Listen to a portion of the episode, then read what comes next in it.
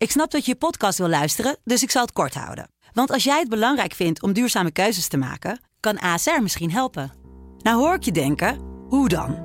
Nou, bijvoorbeeld bij het duurzaam herstellen van schade. Of de premies die we beleggen volgens ons duurzaam beleggingsbeleid. Dat bepaalt waar we wel en juist niet in investeren.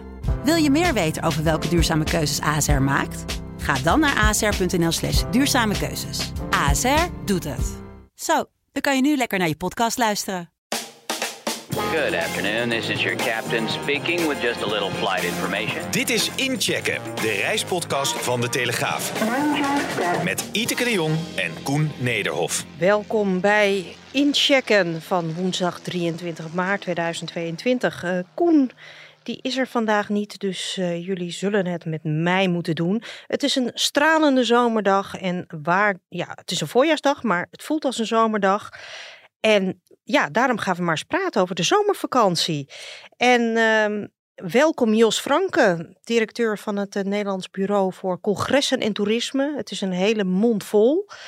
Um, ja, we gaan het eens even hebben over het komende seizoen. We kijken ook nog een beetje terug.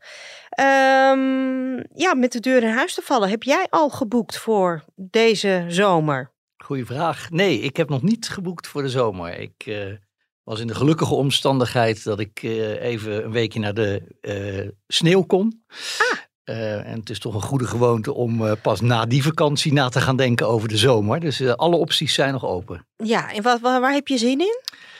Ja, dat is een goede vraag. Het laat het altijd een beetje van het weer afhangen. de laatste keer zijn we op Terschelling geweest. Net als een hoop Nederlanders die, die voor het eigen land hebben gekozen. Daar viel het weer niet helemaal mee. Uh, dus ik sluit niet uit dat we het over de grens gaan zoeken deze zomer. Uh, maar Echt dus, naar de zon? Dat vermoed ik. En uh, wellicht is er nog ruimte om in het najaar bijvoorbeeld een, een midweekje of een lang weekend ergens een mooie plek in Nederland op te, op te zoeken. Ja, het was een beetje lastig de afgelopen jaren. We moesten het veelal binnenlands zoeken. Je kijkt er een beetje bij van ja, helaas, helaas, helaas. Maar goed, voor het binnenlands toerisme, dat ging als een raket natuurlijk. Ja, zeker hoor. Nee, het is zeker geen blik van helaas. Het is natuurlijk hartstikke goed uh, dat die Nederlanders het eigen land uh, uh, opzoeken. Dat deden ze overigens al voor corona. Het was, we vergeten het wel eens, dat het populairste vakantieland van Nederlanders is het binnenland. Ja, nog steeds ja, ook maar, voor de zomervakantie? Nou, daar raak je het, het kritieke punt. Hè. Dat is over alle vakanties. Dus dat is ook, we zijn een rijk land. Hè. Dus dat is de tweede, de derde en voor sommige mensen zelfs de vierde trip. Voor de zomervakantie is het natuurlijk uh, Duitsland, Frankrijk, Middellandse Zee. Uh, maar zeker in coronatijd zag je dat de Nederlander veel meer dan daarvoor nog het eigen land heeft opgezocht. Ook in de zomer, ja. Ja, want je kon op een gegeven moment geen huisje of geen campingplaats. Uh, boten waren allemaal uh, verhuurd. Ja, caravans, campers, uh, noem het maar op. En ehm, het blijkt nu hè, dat, dat de intentie destijds, de echte getallen komen binnenkort, de definitieve getallen van CBS. Maar je zag wel dat bijna 2,5 keer zoveel Nederlanders de hoofdvakantie in eigen land wensten door te brengen vorig jaar dan normaal. Dus dat is echt wel substantieel. Ja. ja.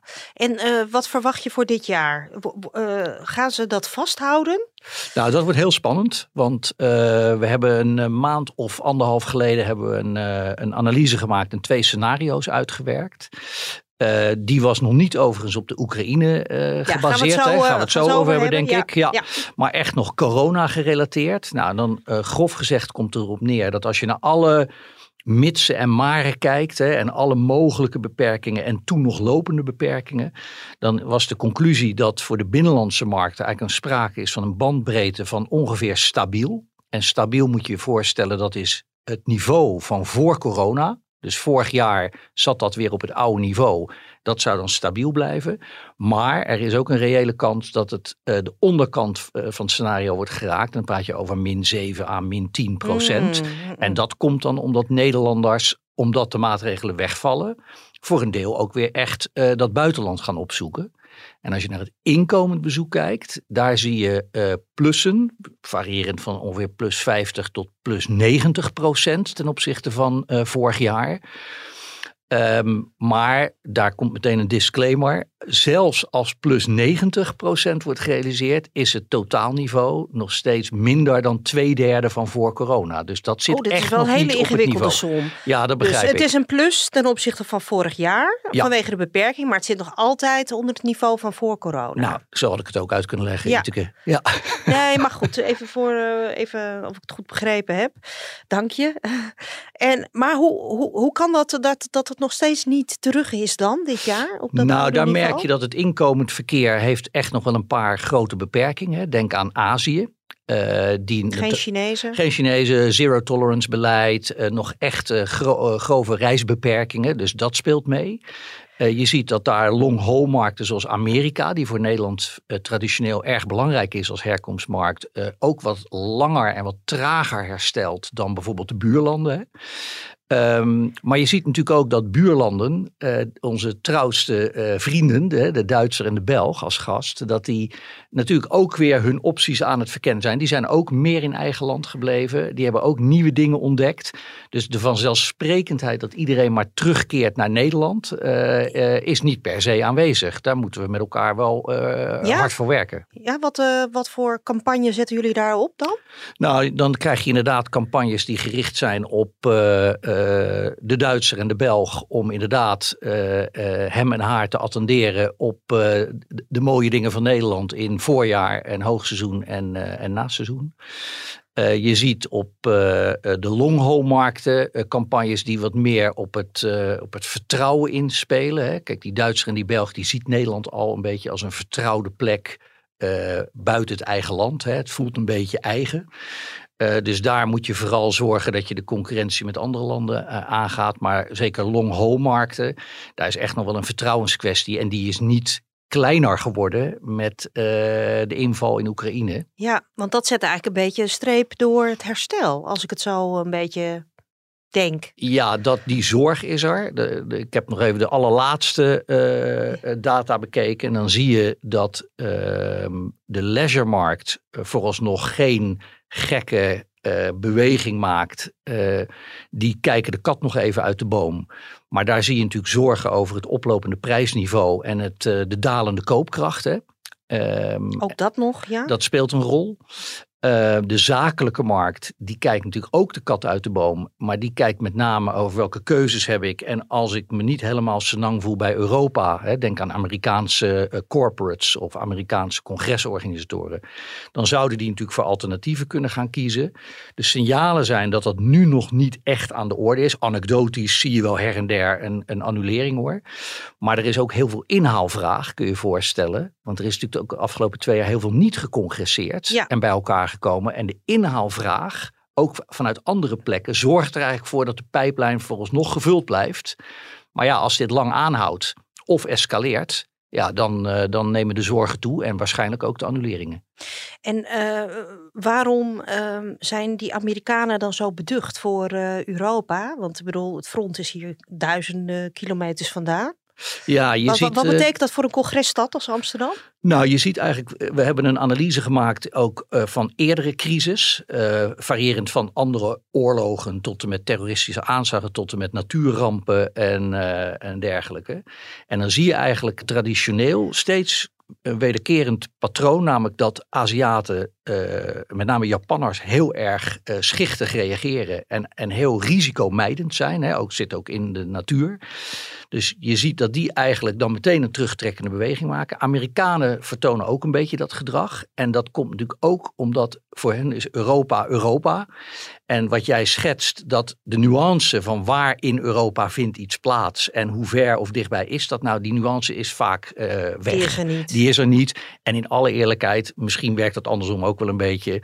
Eh, als er in Chicago iets zou gebeuren, ik denk dat een, een aantal Nederlanders ook denken, dan gaan we maar even niet naar New York bijvoorbeeld. Ja, ja. Eh, dus dat Ja. speelt wel een rol. Ehm, dus we hopen dat dat moment niet gaat komen. Eh, maar die zorg zit wel in de sector dat daarmee het herstel, wat nog heel broos was. eh, nou ja, kon- konden we daar eigenlijk al van spreken van een herstel? nou, de, de, pijn met name inderdaad, eh, als je kijkt naar de Amerikaanse markt, dat is natuurlijk een hotelmarkt. Hè. Dat zijn niet de huisjes en de, en de, en de, en de campings, eh, dat zijn hotels, dat zijn congressen. En dat zijn nou net de segmenten die nog niet echt het herstel ervaarden, wat jij net schetste, die bijvoorbeeld de, de bungalowparken en campings al wel hebben ervaren. Maar die hebben meer Nederlanders, Belgen en Duitsers. En die hotellerie in de stad. Ja, Eh, 90% eh, leegstand. eh. Exact. Nou, en daar, met name daar, eh, nemen de zorgen natuurlijk toe als de oorlog aanhoudt, eh, de koopkracht afneemt, het consumentenvertrouwen daalt. Ik las vanochtend dat het consumentenvertrouwen eh, dieptepunt. dieptepunt is. En er is een directe correlatie tussen consumentenvertrouwen en reisgedrag. Nou, dat is een beetje goed en slecht nieuws, zou je kunnen zeggen, voor de binnenlandse markt. Hè? Want de Nederlander zelf, zou je kunnen zeggen, de, de, de, de, de flipside is, nou, dan ga ik wat dichterbij en dan blijf ik in eigen land. Eh, de downside is dat de Nederlander vaak die tweede, derde, vierde trip maakt. Nou, wat gebeurt er als de koopkracht terugloopt en het consumentenvertrouwen? Dan ga je toch weer oppotten en dan ga je je geld aan andere dingen besteden. Ja, en dan ga je dus wel in de zomer naar Italië of naar Frankrijk, maar dan ga je niet meer die herfstvakantie in eigen land doen. Precies, met opa en oma in, de, in het bungalowpark. Zover is het nog niet. Hè? Eh, eh, en het kan ook snel keren. Want uit die analyse van eerdere crisis zie je ook dat de veerkracht van de sector, met name op leisuregebied, die is behoorlijk groot. En die vindt meestal, eh, het hangt een beetje af van de type crisis, daar zit ook nog wat verschil in. Maar die veerkracht eh, valt meestal binnen het kalenderjaar. Eh, maar het hangt natuurlijk erg af van de, de impact, de omvang, de plek, et cetera, van, van een crisis. Mhm. Maar ja, de veerkracht is gelukkig groot. En kun je nu al iets zeggen over, oh, er is een oorlog in Oekraïne, dus we gaan meer naar de camping of meer naar een bungalowpark? Nou, je ziet eh, de ANVR, eh, onze eh, collega's in het veld, die hebben daar natuurlijk ook over gerapporteerd. Die, die zien vanuit hun achterban duidelijke beweging van boekingen naar eh, die regio. Hè. Denk ook aan eh, Estland, Letland, Litouwen. Dat, daar trekt men zich terug eigenlijk ten Mhm. gunste van het Middellandse zeegebied. Daar zal, daar weet de ANVR, ANVR meer over, maar wij vermoeden dat daar natuurlijk wel wat druk op de capaciteit gaat ontstaan. Hè, want da- daar is al veel druk op die eh, regio. En er komt nu ook een soort substitutievraag. Eh, de binnenlandse markt, denken wij, gaat er ook van eh, profiteren. Ik vind dat een beetje naar woord in deze context. Nee, maar- hè, maar, maar, je eh, begrijpt wat ik bedoel. Ehm, maar is het nu zo dat we, omdat het consumentenvertrouwen lager is, dat we nu voor een camping kiezen in eigen land? Of is het daar nog een beetje te vroeg voor? Ja, daar is het misschien nog een beetje te vroeg voor. En eh, de eerlijkheid gebiedt ook te zeggen dat eh, in de piekperiode eh, zijn bungalowparken en campings natuurlijk ook best eh, aan de prijs op sommige plekken en op Ja. sommige momenten. Hè. En als je dat afzet tegen een hotel eh, in hun laagseizoen, hè, omdat ze bijvoorbeeld veel zakelijk bezoek hebben en dan de leisuremarkt met stevige aanbiedingen betreden, ja, is er best een goede deal te scoren. Ook in het hoogseizoen. Maar dan moet je soms je bakens wat verzetten en voor een ander type accommodatie kiezen. Eh, maar het is evident, dat zie je nu al, hè, dat door hogere eh, elektriciteits- of gasprijzen, door hogere eh, materiaalprijzen, door misschien ook wel in de arbeidsvoorwaarden dat er meer moet gebeuren om het personeel dat je hebt aan je te blijven binden. Ehm, dat de kosten oplopen voor ondernemers en dat daarmee ook de prijzen voor consumenten in binnen- en buitenland ongetwijfeld zullen gaan oplopen. Oké, dus we moeten ons ook nog voorbereiden op een duurdere vakantie. Ik eh, vermoed dat dat zo is, eh, want je ziet het natuurlijk nu al gebeuren, hè, dat, eh, dat de prijzen van met name natuurlijk de, de, de gas en elektriciteit, Ja. ja. dat is natuurlijk ook een zware kostenpost, hè, ook voor ondernemers.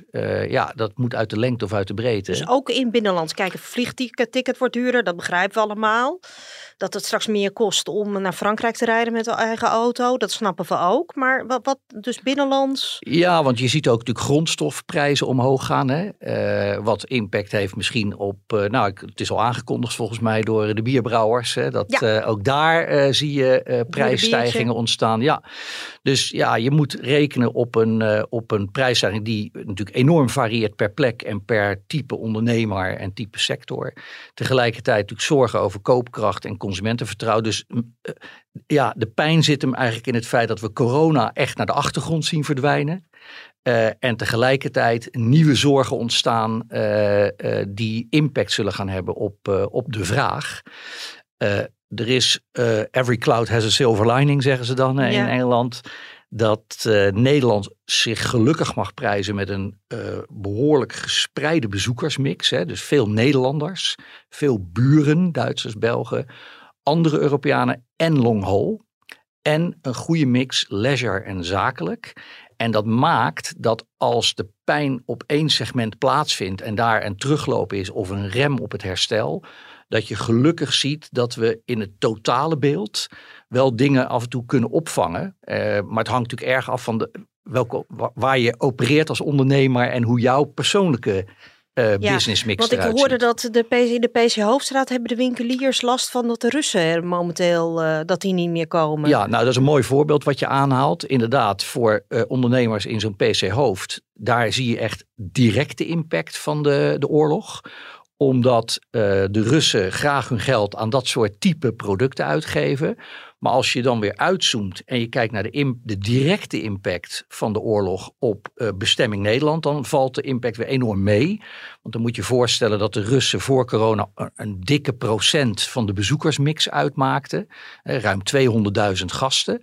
Nou, als je dat vergelijkt met ruim 6 miljoen Duitse gasten, dan ja, snap je dat voor Nederland valt het mee. Nee. Maar als jij net in de hoek zit waar ze graag hun geld uitgaven, ja. dan is de pijn desalniettemin erg groot. Ja, dus luxe hotels. Luxe hotels, diamantairs, PC Hoofd, uh, ja. exact. Ja, het luxe toerisme. En uh, de Keukenhof gaat weer open deze ja, week. Gelukkig. Gelukkig, ja.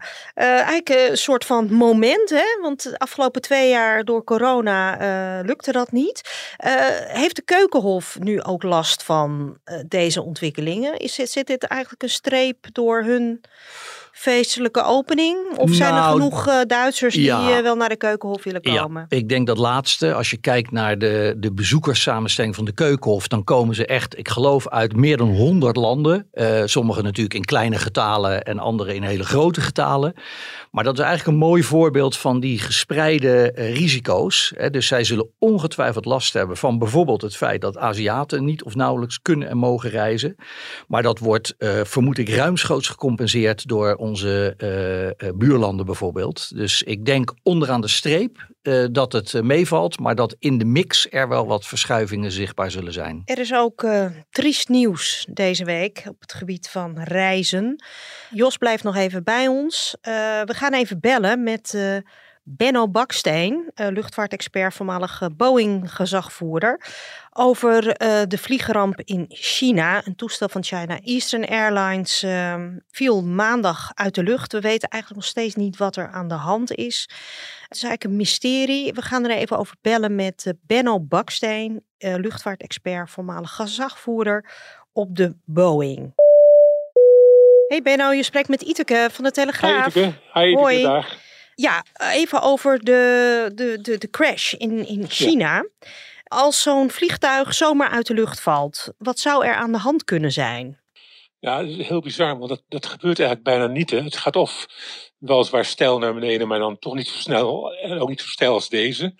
Je zou het eigenlijk naar beneden moeten sturen. Hè? Dat kan wel. Je kunt het naar beneden sturen. Dat doen ze met aerobatics ook. Als er iets catastrofaals in het vliegtuig zelf gebeurt, dan verwacht je toch wat andere dingen. Hè? Iets wat er ontploft of zo, noem maar wat. Hè? Uh, dan verwacht je toch een ander soort. Uh...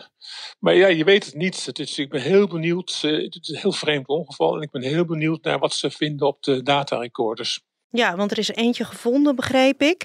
Uh, maar is het nu nog veilig om in zo'n uh, type vliegtuig uh, te stappen? Want KLM en Transavia, die hebben er samen ja. 100.